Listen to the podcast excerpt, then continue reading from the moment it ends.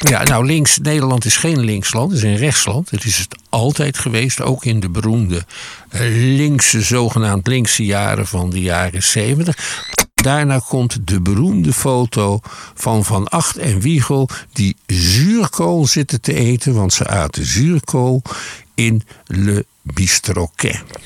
En Romme wilde nooit premier worden en hij gunde dat premierschap altijd aan de PvdA en aan Drees. Je luistert naar de praatkast met gesprekken die er echt toe doen.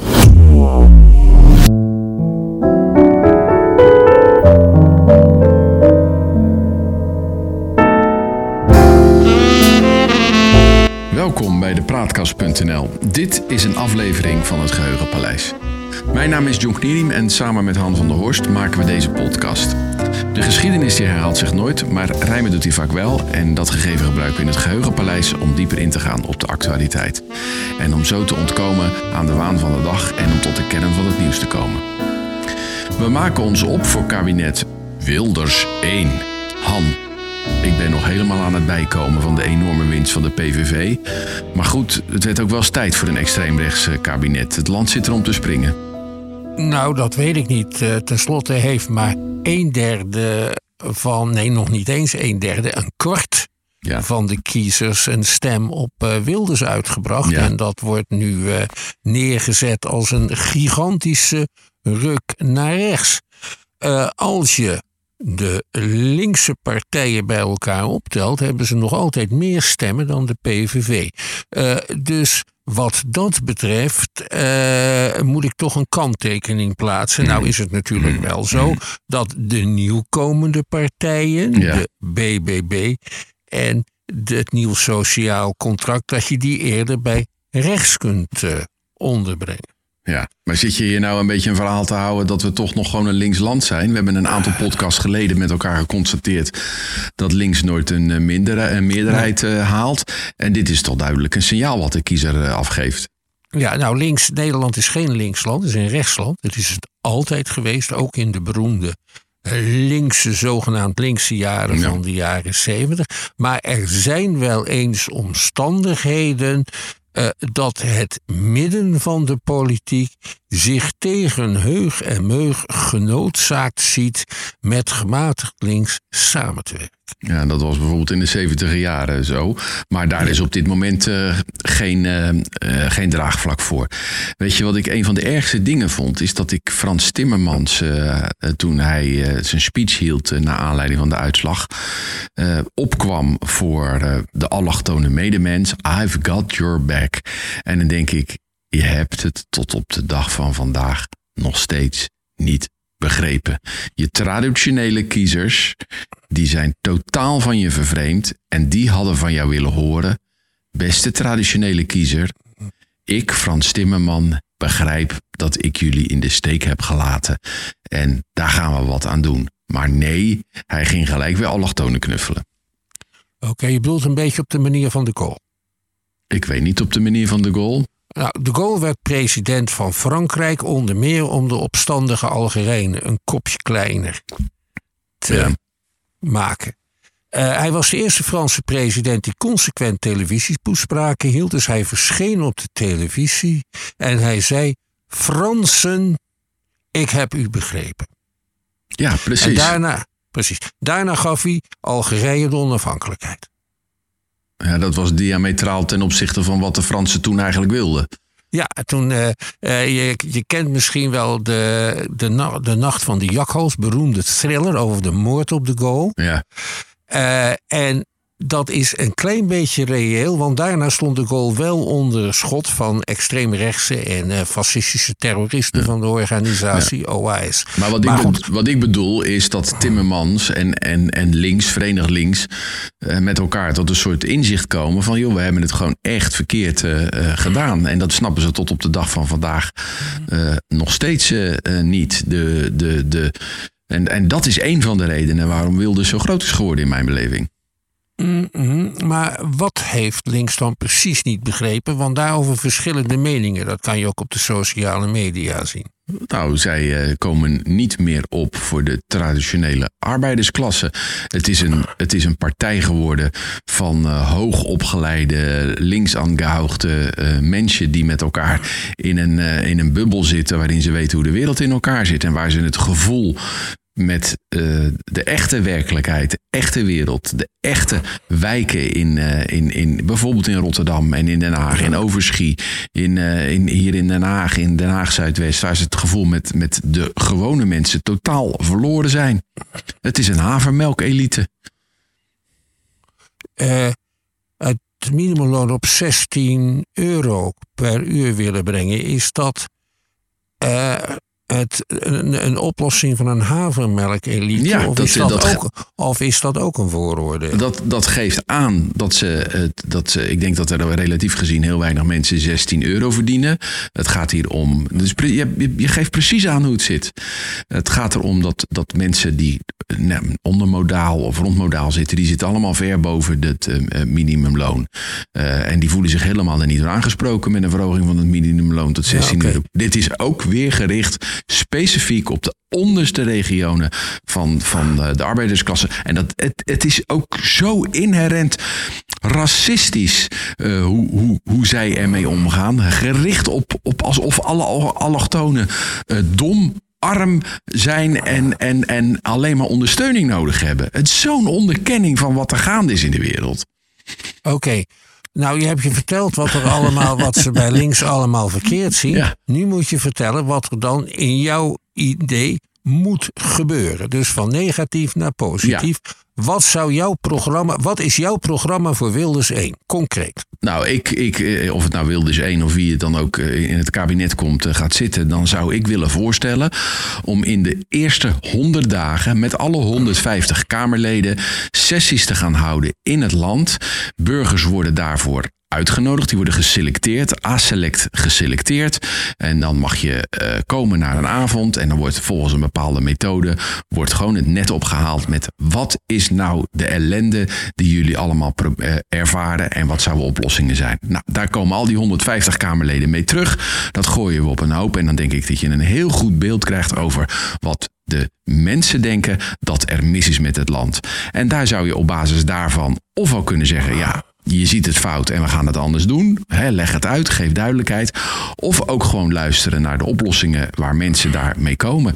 Er is hier afgelopen weekend uh, uh, door de gemeente Den Haag, wat bestaat uit voor een gedeelte uit een, uh, coalitiepartij die Hamas vereert.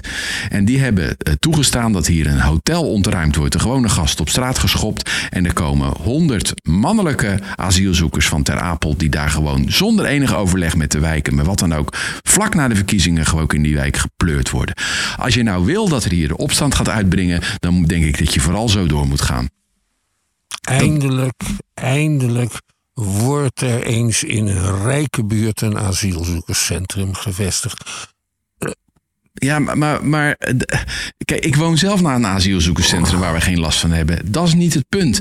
Het punt is dat uh, er een, een, een heersende klasse is in de overheid die over de hoofden van mensen, uh, over de hoofden van mensen heen, uh, gewone mensen die ergens wonen, dingen besluit die hun leefomgeving beïnvloeden. Als ik mijn fiets verkeerd parkeer hier, wordt die weggehaald. En als er een oligarch jarenlang bankiert bij de ING, is er niks aan de hand. Als ik een hypotheek wil krijgen bij de ING, dan word ik nog net niet anaal getoucheerd om te kijken of ik wel of geen crimineel ben. En dat zijn de dingen waar mensen zich uh, aan ergeren. Ik moet zeggen, ik heb er allemaal geen last van. Maar ik zie wel dat heel veel mensen om mij heen zeggen: en zo kan het niet langer. En die onvrede, die eigenlijk als eerste gekanaliseerd is door Janmaat, die komt nu tot uitdrukking. En ik vind het verschrikkelijk. Ik kan er niet van slapen dat Wilders de grootste is geweest. Ik vind het echt heel erg. Ik denk dat het een ramp is voor het land. Maar als de gevestigde partijen van links tot rechts niet nu die handschoen oppakt en gewoon gaat achterhalen van wat leeft er en wat gaan we daaraan doen, dan wordt het nog veel erger. En dan gaan we naar een Orbaanachtige staat toe, uh, waarin uh, er een alleenheerser is die op een corrupte wijze het land regeert. En nou hou ik op. Ja. Dat was een rant. Eh, ja, jouw verhaal, jouw rent, heeft iets heel specifieks wat ik wil benoemen. ja, En wat ik bij heel veel mensen heb gehoord, die zulke rents uiten. Want er zijn heel veel mensen die er op deze manier eh, in staan. ja, Die zeggen allemaal, ze beginnen met te vertellen, ik heb er geen last van, maar anderen wel. ja. Ik heb er geen last van, maar anderen wel. En dan komen ze voor die anderen op. Dus zij denken zich het lijden van die anderen in. En dat zijn ook vaak anderen die ze niet kennen. ja. Dus dat is, dat is een belangrijk element. Ik ken inderdaad niet de mensen die in Ter Apel wonen, maar ik lees wel eh, wat zij daar eh, vinden en wat ze daar meemaken. Ja. Nee, maar dit is dus een belangrijk element in wat je op het moment in Nederland ziet. Ja. Er is veel onvrede over dingen waar anderen last van hebben, maar ik niet. Ja, Ja? Jij hebt hè, het, het, het, het- dat idee eh, wat jij hebt eh, van de eerstkomende honderd dagen, gaan wij op de manier van Van Rijbroek volksvergaderingen houden met via loting. Eh, en dan aan mensen vragen: wat willen jullie? ja, Ja, dat is helemaal geen gek idee. En ik ben benieuwd of dat aan zou slaan bij eh, de partijen die nu de kans hebben om in de regering te komen. Dus dat zijn de, de partij van Omzicht, dat is de partij van Lientje en dat is de partij van Wilders. ja. En eh Dylan Jesselgus, die doet niet mee, heeft ze gezegd. Maar daarmee heeft ze haar eigen partij in een soort chaos gestort. En ik ben benieuwd wat daaruit voort gaat komen. ja. En of zij haar leiderschapspositie kan behouden op deze manier. Ja. Nou, ik, ik denk dat dat heel moeilijk eh, gaat worden. En er zal wel een partijcongres uitkomen. En dat doet me dan erg denken aan het partijcongres van eh, de CDA. eh, of ze wel of niet zouden moeten deel- deelnemen aan het kabinet waar Wilders gedoogsteun zou geven. Rond 2010 was dat zo. En daar werden de, de, fameuze woorden gesproken. Als u voor bent, stemt u tegen. Zoiets Ja. was het toch? Ja. Nou, die, Ja, kans, ja. die kans is groot. Ja. Nou, dat hebben we nu gehad. Ja. Ja, vers 2 is. Wat voor opties zijn er op het moment? En zijn er voorbeelden uit het verleden waarvan de huidige verkenners en informateurs en partijen iets van kunnen leren? Ja. Bijvoorbeeld omdat ze die optie al dan niet aangepast zouden kunnen proberen. Ja. Een meerderheidsregering wordt in de huidige situatie heel moeilijk om tenzij eh, de, zeg maar, de grote partijen allemaal eh, de deur voor Wilders openzetten en geloven dat die man inderdaad zijn hele programma heeft ingeslikt. Maar het zou, ik toch, denk niet- het zou toch Ja? ook kunnen dat er een, eh, een, een, een conctie komt eh, tussen eh, NSC, de BBB en de VVD, waar uiteindelijk de VVD de premier levert. En dat Wilders gedoogt, waarbij die zegt, nou deze punten vind ik echt van belang. En dan gedoog ik dit kabinet. De inhoudelijke verschillen op tal van dossiers zijn ook met de BBB en de NSC eh, heel erg groot. Dat het haast onmogelijk is om, om alleen al op de inhoud eh, een, een kabinet te vormen. Dus ik zie het veel meer, veel meer voor me dat er uiteindelijk een kabinet komt wat gedoogd wordt door Wilders. Net als in 2010. Ja, We weten hoe dat is afgelopen. ja maar, maar we weten ook dat de toekomst eh, het verleden niet altijd aan de, de, de geschiedenis herhaalt, zegt. Ja. Maar hij rijmt. Maar het is toch altijd weer een beetje anders. Ja. Nou goed. Eh, ik denk niet dat dat zal lukken. nee. En dat als andere partijen eenmaal met Wilders aan tafel gaan zitten, dat die partijen dan ook eisen dat hij ehm, zijn verantwoordelijkheid neemt en dus of premier wordt of de premier levert. Hij is verreweg hij is verreweg de grootste partij. Ja. Oké, als zo'n kabinet tot stand komt, dan, uh, dan is er voor zo'n kabinet een stabiele meerderheid. En het is de vraag hoe lang die stand houdt. Er zijn twee redenen voor. Uh, we weten niks over de stabiliteit van de fractie van de PVV. Nee. En we weten ook niks van de uh, stabiliteit van de fractie van Pieter Omtzigt. Nee. Hij begon al met uitstel te vragen van, uh, van zijn gesprek met de verkenner, omdat hij eerst tot overeenstemming moest komen met zijn fractie. Ja. Er zijn nu twee kingmakers, dat zijn Pieter Omtzigt en Geert Wilders. Ja. Die zijn allebei in een positie waarbij ze elke coalitie kunnen vormen, maar ook tegenhouden. Ja. Ja? Uh, ik ga even iemand uit het verleden noemen. Dat is de leider van de Rooms-Katholieke Staatspartij in de jaren twintig. Mm -hmm. Monseigneur Wiel Nolens. Net zo'n stuursgenie als Omtzigt. Karakterologisch. En die zei samenwerking met links alleen in uiterste noodzaak. En, wil, en, en, en Omtzigt zou tot de conclusie kunnen komen dat die uiterste noodzaak er is. Dus dan gaat hij samenwerken met, met Timmermans? Hij heeft met Timmermans een heel, een heel goed openbaar gesprek gehad. Nee, een noodsituatie. Er komt een kabinet over links. Laten we zeggen met daarin D66 en met de BBB of we ruimen toch een plek in voor het CDA, dan heeft zo'n kabinet een minderheid, maar dat zal tegelijkertijd een heel zwak kabinet zijn. Ja. Wat kunnen zwakke kabinetten doen? Datzelfde geldt trouwens voor een kabinet wat door Wilders op de een of andere manier gesteund wordt en dat ook problemen krijgt met de Kamer. Wat kan zo'n kabinet doen en wat nog, nog toe deze eeuw niet is gebeurd en de vorige ook niet? Die kan de Tweede Kamer ontbinden, Ja. nieuwe verkiezingen uitschrijven en het voortbestaan van het kabinet, dat is dan inzet van die verkiezingen. Dat heeft Heemskerk gedaan, een antirevolutionaire partij uit, uh, uit en die in, uh, in 1908 een regering vormde. Dat was een minderheidsregering. En hij schreef nieuwe verkiezingen uit. Die won die. En daarna heeft hij een heel stabiel kabinet geleid. dat voor Nederlandse geschiedenis van, op alle toppunten van grote betekenis is geweest. Ja. Ik ga nog een kabinet uit die tijd noemen. Dat is een kabinet wat voorafging aan het kabinet van deze Heemskerk. En dat is het kabinet De Meester. Allemaal politici die helemaal vergeten zijn. En De Meester, dat was een geavanceerde liberaal, zoals ze dat toen noemden.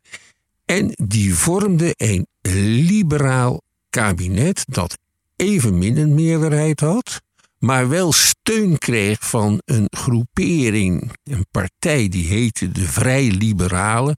Dat waren de heel conservatieve liberalen, die vonden algemeen kiesrecht erg overdreven en zo.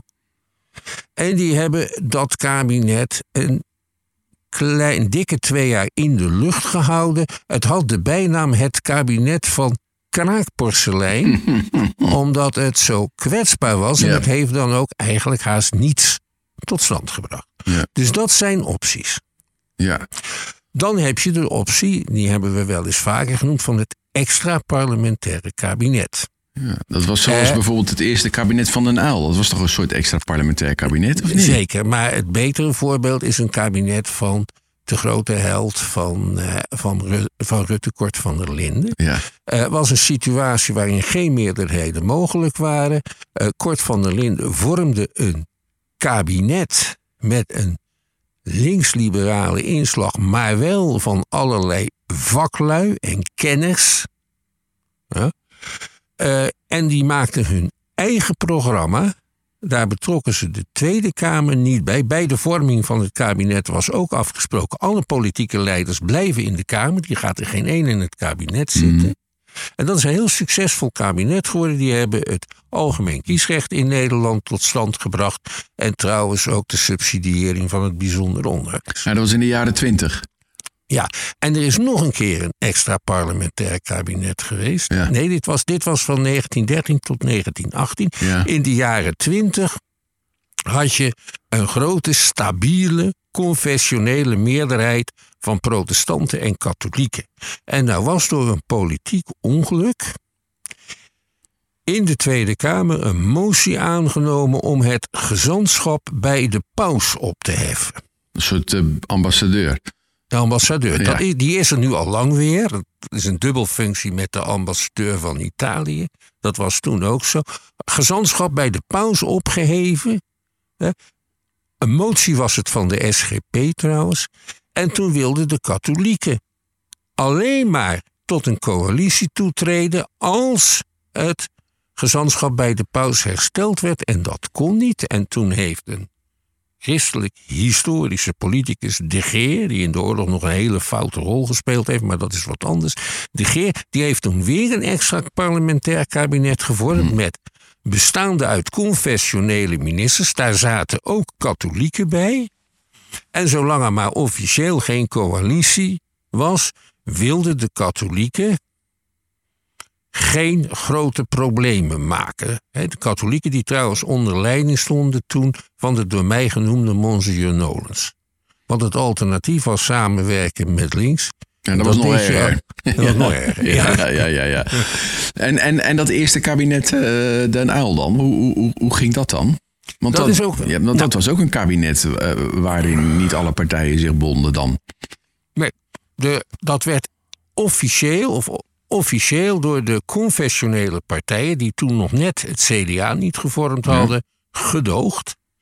Eh, maar ze stonden wel toe dat er politici uit hun partijen tot dat kabinet toetraden. Hè. En zo iemand was bijvoorbeeld de minister van Economische Lubbers. Zaken, Lubbers. Ja. Dat was de leider van de jonge katholieke werkgevers en een invloedrijk lid van de KVP. En zo waren er meer. Bijvoorbeeld de oude de Guy Fortman. Die kwam uit de antirevolutionaire partij. Papagaai Dus was- genoemd door Wim Kan. Ja, omdat hij ook een zoon had. Ja. Die eh, de grote man was van de PPR. En die maakte deel uit van Den Els coalitie. Mhm. En Papagaai was bovendien een buitengewoon vakbekwame man.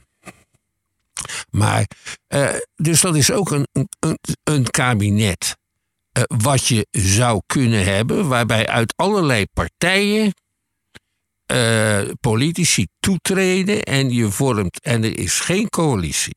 En, En- iedereen gedoogt. En hoe kan het dan dat dat kabinet het dan... Ja, dat is uiteindelijk wel gevallen in het, in het zicht Ja. eh, van de haven. Maar was Ja. dat dan niet elke keer, elke week gedoe? Er was ook heel veel gedoe. Ja. Met name tussen de premier Den Uyl en de minister van Justitie eh, Andries van Acht van de KVP. Ja. Ook omdat die twee elkaar karakterologisch absoluut niet lagen. Ik zal iets over Van Acht vertellen. Van Acht die woonde in het katshuis en de Ja, toen nog niet. Dat was, was, was pas eh, bij het latere hij- kabinet in 80. Ja. ja, toen hij eenmaal premier Ja, was. dat precies. moet ik van tevoren. Toen Van Acht premier was, eh, toen woonde hij in het kashuis boven. En op de benedenverdieping vergaderde op vrijdag de ministerraad. En het is een keer voorgekomen dat Van Acht in pyjama boven aan de trap verscheen en zei: De heren kunnen het wel zonder mij. En daarna ging hij weer lekker naar bed. Ja, en bij Den Uyl maakte het ook een buitengewoon slechte indruk dat, eh, dat vannacht allerlei wielenkoersen aan eh, afliep in het zuiden om zijn achterban. eh, Maar goed, Den Uyl, had natuurlijk een wat gereformeerde achtergrond en van Ja. achter katholieken. Dus het zijn natuurlijk ook twee levensvisies die niet altijd helemaal goed samengaan, toch? ja, ja, precies. En toen op een gegeven moment is het kabinet in het zicht van de haven gestrand op een kleinigheid. Ja. En eh, ja, daar was iedereen eigenlijk wel tevreden mee, want daardoor hadden de coalitiegenoten de handen vrij om eh, zelfstandig eh, een, verkie- een verkiezingsstrijd te voeren en ook tegen elkaar in te gaan. En toen won Den- Uyl in 77. Ja, die, die won met een geniale leuze, kies de minister-president. Ja. En hij had ook nog het voordeel dat in de weken van die verkiezingen een Molukse treinkaping Oh ja, plaatsvond. nog. en Ja.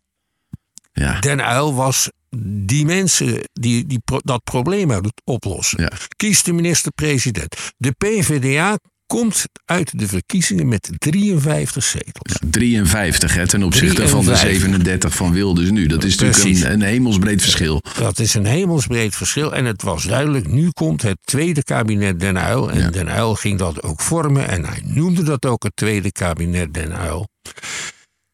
En hij stond tegenover Van Nacht, die de leider was van het inmiddels gevormde CDA. De, samen, het samenwerkingsverband van alle confessionele partijen. En hij had de hete adem van zijn partijactivisten in de rug. Die werden geleid, er werd een beweging binnen de PvdA geleid door een, eh, ja, een sociaal werker, een activist en, eh, die van, een organisator van grote solidariteitsacties met ontwikkelingslanden, Piet Rekman. Ja.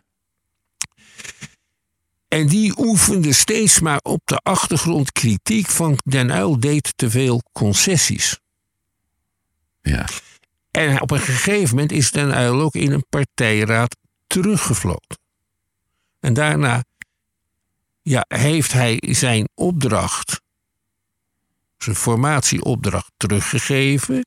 Er is een partijcongres gehouden en dat partijcongres gaf Den Uyl nog meer ruimte. En daarna komt de beroemde foto Ja. van Van Acht en Wiegel die zuurkool zitten te eten, want ze aten zuurkool in Le Bistroquet. Hier in Den Haag, een beroemde foto. En daar hebben ze dat kabinet eh, van 8-1 in elkaar gezet. eh, Zo'n Ja. beetje. Ja. Op de grote feestavond van de verkiezingsuitslag van 1977 met die 53 zetels keek Den Uyl naar de totale uitslag en hij zei: Jongens, CDA en VVD hebben samen een meerderheid. Ja. Ja. Ja, ja, ja, dus dat verzwakte eigenlijk zijn onderhandelingspositie. Positie. Terwijl de, hele partij dacht eh, van nou, nu gaan we even een, eh, een ruk naar links eh, maken hier. Maar dat ging uiteindelijk niet door. En de partij heeft zijn onderhandelingspositie ook verzwakt. Ja, dat Je is eigenlijk dan een les voor Wilders. Van, Ja. Je kan wel een grote broek aantrekken, maar je hebt maar 37 zetels. Ja. En er zijn ook andere coalities mogelijk. Misschien wat ongewenste, Ja. maar die zijn zeker wel mogelijk. Dat niet alleen. Eh, is het verstandig voor hem om premier te worden? Neem, we gaan weer terug in de geschiedenis, Karl Romme. Dat was de politieke leider van de Katholieke Volkspartij. Sinds het einde van de Tweede Wereldoorlog. Die partij had altijd 49 of 50 zetels in het parlement. En bij de verkiezingsstrijd ging het er altijd om wie is de grootste, de KVP of de PvdA. En meestal was de PvdA nipt klein. Ja. Maar dat was een soort erezaak. En Romme wilde nooit premier worden. En hij gunde dat premierschap altijd aan de PvdA en aan Drees. En vanuit de Tweede Kamer bepaalde hij de bandbreedte van het kabinet. En als het hem niet beviel, dan viel het kabinet. Dus hij had eigenlijk eh, Drees altijd bij de spreekwoordelijke ballen. Ja, tot het einde toe in 1958, toen waren, was de beroemde Rooms-Rode Coalitie echt uitgeregeerd. Die mensen hadden ook een hekel aan elkaar gekregen. En toen heeft Romme eh, de kwaai gehaald naar Den Haag, de commissaris van de Koningin in Brabant. En die is toen premier geworden van een coalitie met de VVD. Ja. ja. Dus dat zou ook nog eens een tip voor Wilders kunnen zijn. Om op die manier eh, proberen Ja. eh, eh, dat te doen. Ja. En Ja, wie zou dan premier... vereist Wie, wie, wie zou dan premier moeten worden? Dat is het meest logische dat Jesse August dat dan wordt. Ja, of, eh of omzicht. Ja, Als je op een gegeven moment zegt, we gaan niet meer voor de grootste. dat kan natuurlijk ook Dan- nog, ja. Ja, Ja. Of heel iemand anders uit de VVD. ja.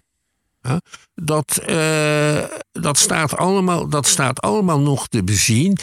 je hebt voor een positie als die van Romme wel een heel grote subtiliteit nodig. Ja, want anders ontstaat er gedoe. Ja. Of je moet het hebben over onderwerpen die een beetje theoretisch zijn. Hè. In het eerste kabinet Kok, het eerste paarse kabinet. De Bolkestein. Voer, Ja. voerde Bolkestein in feite Ja, oppositie. oppositie, ja. ja, maar nooit op, op, over onderwerpen waardoor eh, ministers zouden kunnen zeggen: hier stel ik mijn positie eh, beschikbaar. Dat deed hij niet. Maar het ging meer over ja, algemene onderwerpen. Maar ik acht Wilders daar wel toe in staat. Ik bedoel, die zit al zo lang daar in de Tweede Kamer... dat hij echt wel weet hoe de hazen lopen... en hoe hij dat spel zou moeten spelen, denk ik. Mm, ja, maar hij wordt gauw kwaad. Hè? Nou, dat weet ik niet. Volgens mij is dat vooral gespeeld. Mm, nou, dat zullen we zien. Ja. Ja. Nou, voorlopig weten we het nog niet, eh Han, wat er gaat eh, gebeuren. Maar het is wel interessant dat je toch een aantal andere mogelijkheden naar voren eh, brengt. eh, eh, coalitie over links, wat denk ik een gruwel is voor veel mensen. Of naar een extra parlementair kabinet. of variaties van dat soort zaken. Zoals Wilders in de Kamer en dan een, een, een premier van de NSC of van de BBB Ja. of de VVD. Weet je wat ik het mooiste zou vinden? Nou, Dat er een kabinet komt met een duidelijk programma.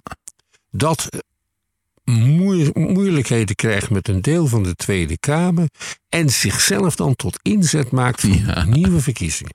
Ja. Dat zou mooi zijn. ja. En ook trouwens als het plan van jou werd uitgevoerd van de grote congressen en de honderd dagen. Nou, ik hoop eh, dat eh, de onderhandelaars eh, daar naar luisteren. Ze hebben daar nu wel tijd voor. We zullen even, eh, even een appje eh, sturen. Tot zover deze aflevering van het Geheugenpleis. We maken dit in samenwerking met de Praatkast. En de uitzendingen zijn dan ook te vinden op www.praatkast.nl. Abonneren op onze podcast kan in de podcast-app die je vaak gebruikt. Druk even op het plusje, want dan krijg je automatisch een bericht wanneer een nieuwe aflevering online komt. En wil je ons mailen? Stuur dan een bericht naar info.praatkast.nl. Voor nu bedankt voor het luisteren en eh, tot de volgende keer. Wees gelukkig, blijf gezond, wees ook gelijkmoedig.